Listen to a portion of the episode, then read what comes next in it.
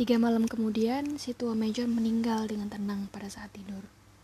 Jenazahnya dikuburkan di kaki kebun buah-buahan. Ini terjadi pada awal Maret. Selama tiga bulan ke depan sudah itu, ada banyak kegiatan rahasia.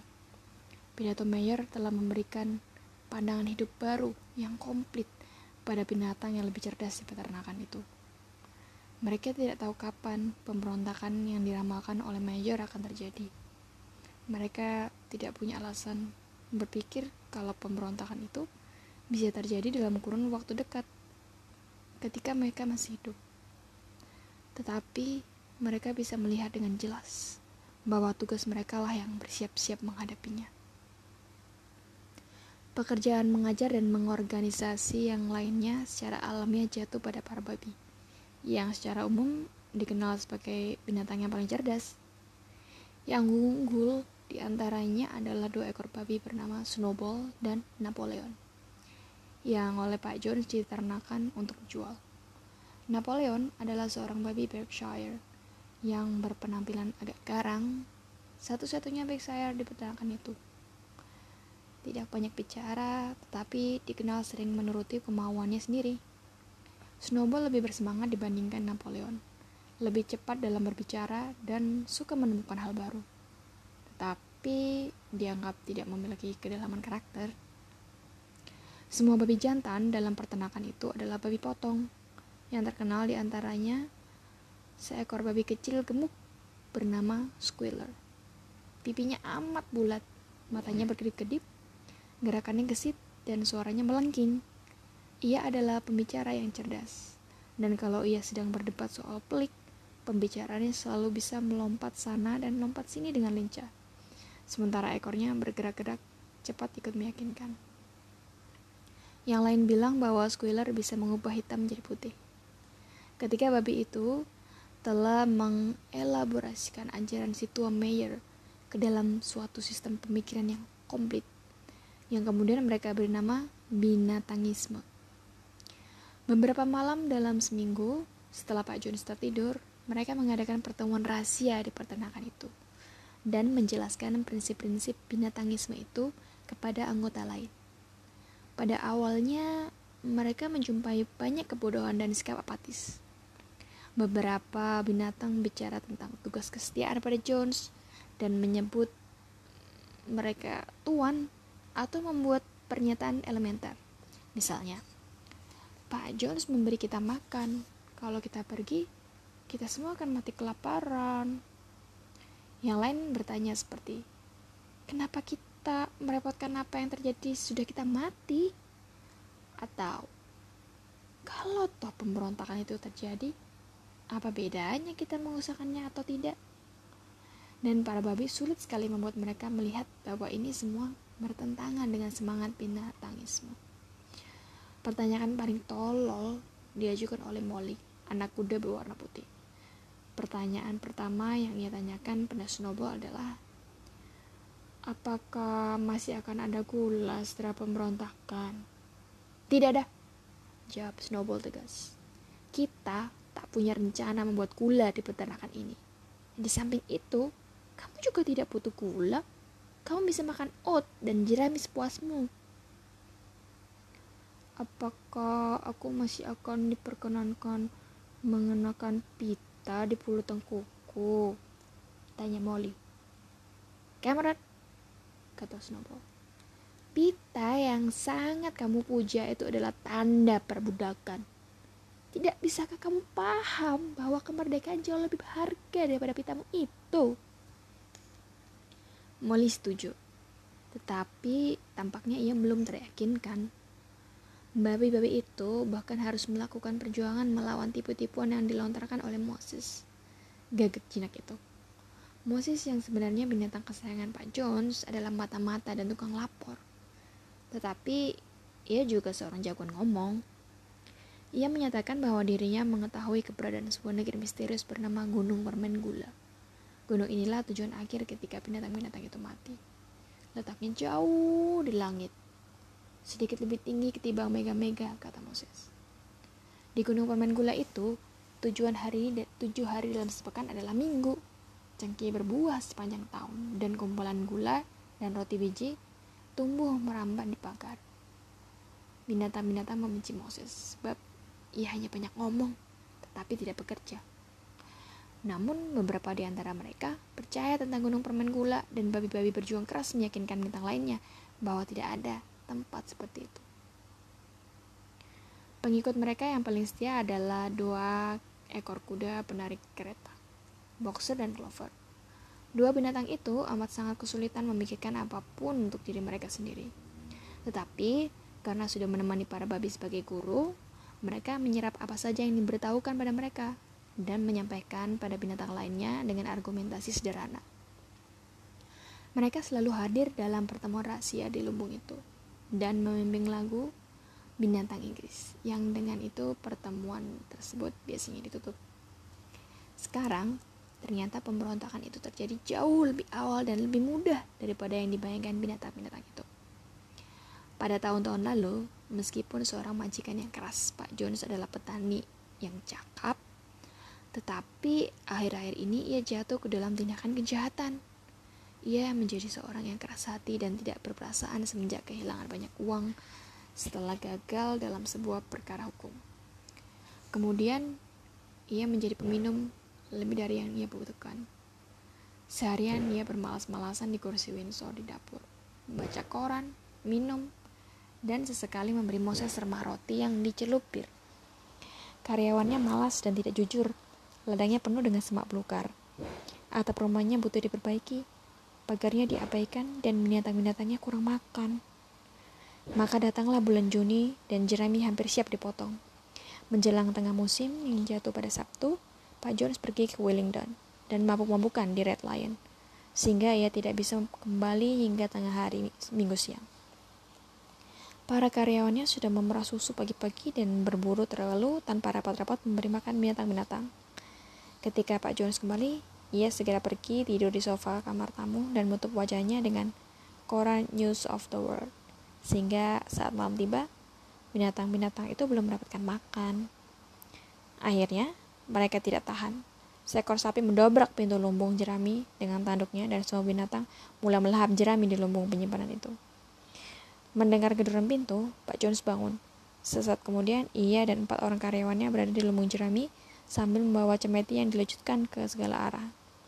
Lucutan-lucutan itu lebih keras daripada yang bisa ditahan binatang-binatang itu. Meski tanpa rencana sebelumnya, binatang-binatang itu berbarengan meloncat ke arah para pelecut itu. Tiba-tiba saja, Pak Jones dan orang-orangnya merasa dipukul dan ditendang dari segala arah. Situasinya sudah di luar kendali mereka. Mereka belum pernah melihat binatang-binatang bertindak seperti itu.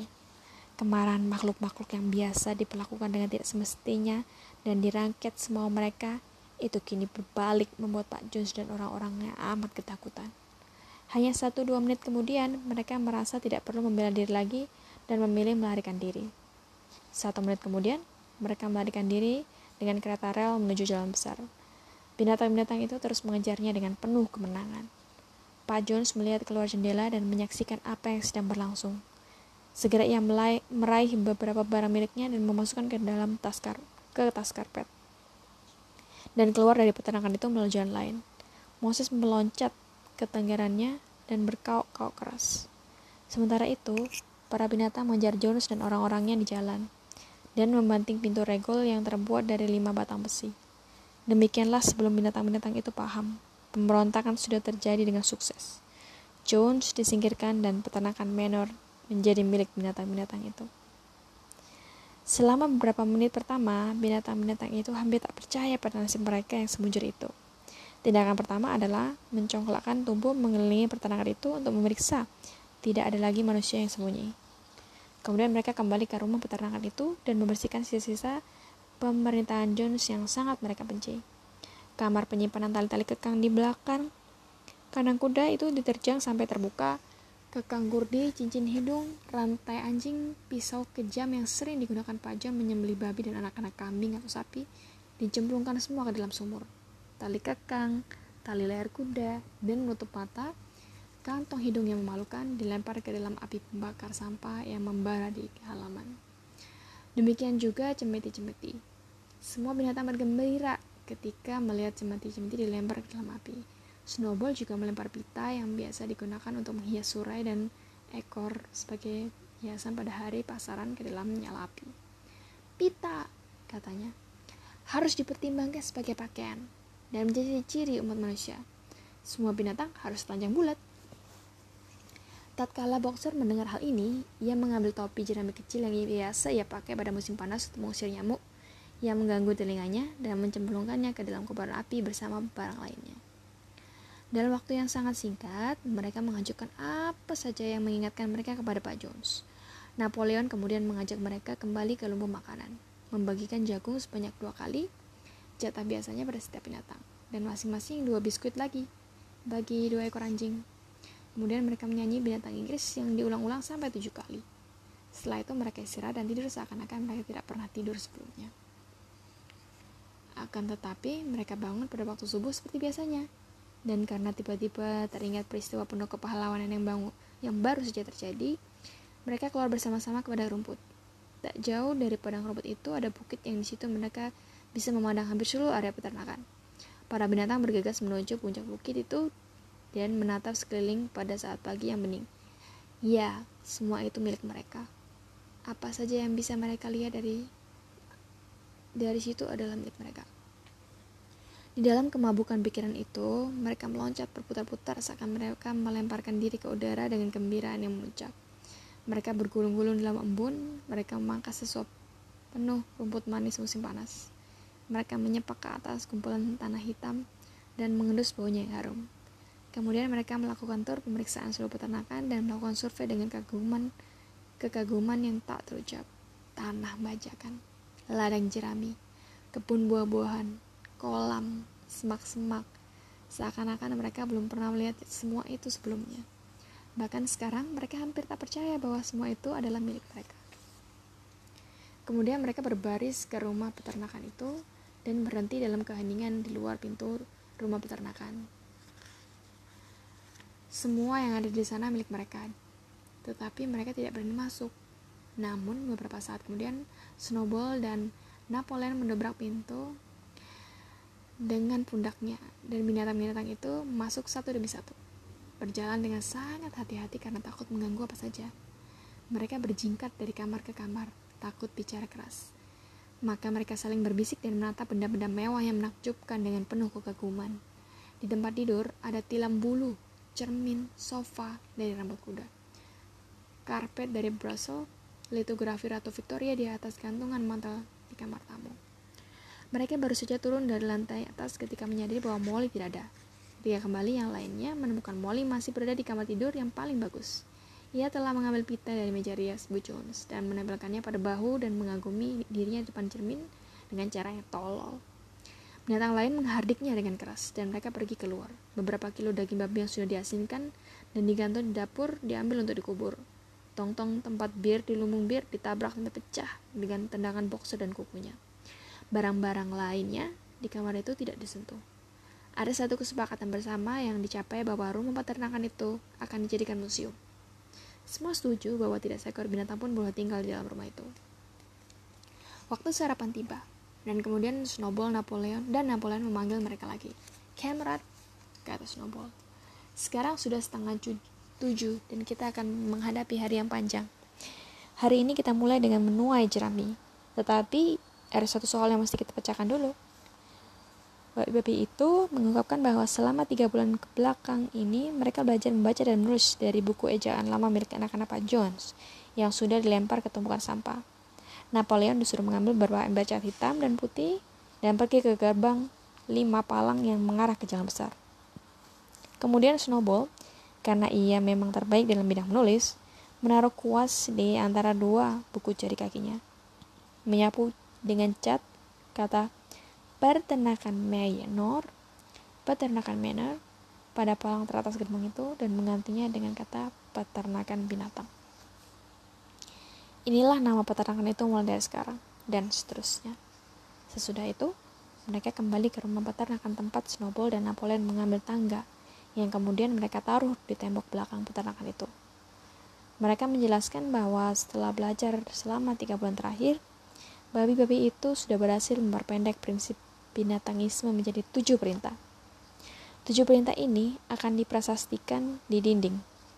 Mereka akan membentuk suatu undang-undang yang tidak bisa diubah dan harus dipatuhi seluruh penghuni peternakan. Binatang selama-lamanya. Dengan susah payah, karena tidak mudah bagi seekor babi menjaga keseimbangan tubuhnya di tangga. Snowball memanjat dan mulai bekerja, dengan Squealer yang lima anak tangga di bawahnya memegangi ember cat. Perintah itu ditulis pada tembok yang dilepa dengan huruf-huruf besar yang bisa dibaca dari jarak 27 meter. Isinya sebagai berikut. 7 perintah. 1. Apa pun yang berjalan dengan dua kaki adalah musuh. 2. Apa pun yang berjalan dengan empat kaki dan bersayap adalah teman. 3. Tak seekor binatang pun boleh mengenakan pakaian. 4. Tak seekor binatang pun boleh tidur di ranjang. 5. Tak seekor binatang pun boleh minum alkohol. 6. Tak seekor binatang pun boleh membunuh binatang lain. 7. Semua binatang setara. Tujuh perintah itu ditulis dengan rapi, kecuali kata teman yang ditulis tamen dengan satu huruf S, tertulis terbalik. Tapi secara keseluruhan penulisannya benar. Snowball membacanya keras-keras supaya binatang lain bisa mendengarnya. Semua binatang mengangguk dan memberikan persetujuan penuh. Dan yang lebih cerdas langsung hafal. Sekarang kamerat, kata Snowball sambil melempar kuas.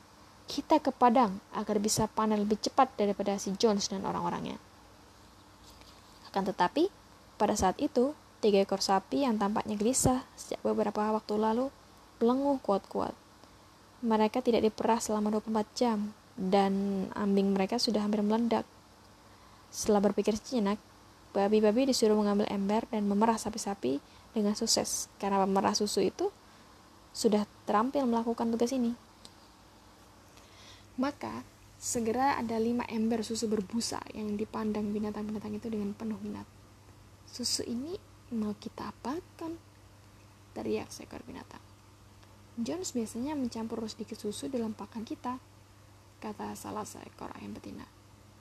Tidak masalah dengan susu ini, kamarat. Teriak Napoleon menempatkan diri depan di depan ember-ember susu itu. Kita akan pikirkan ini juga.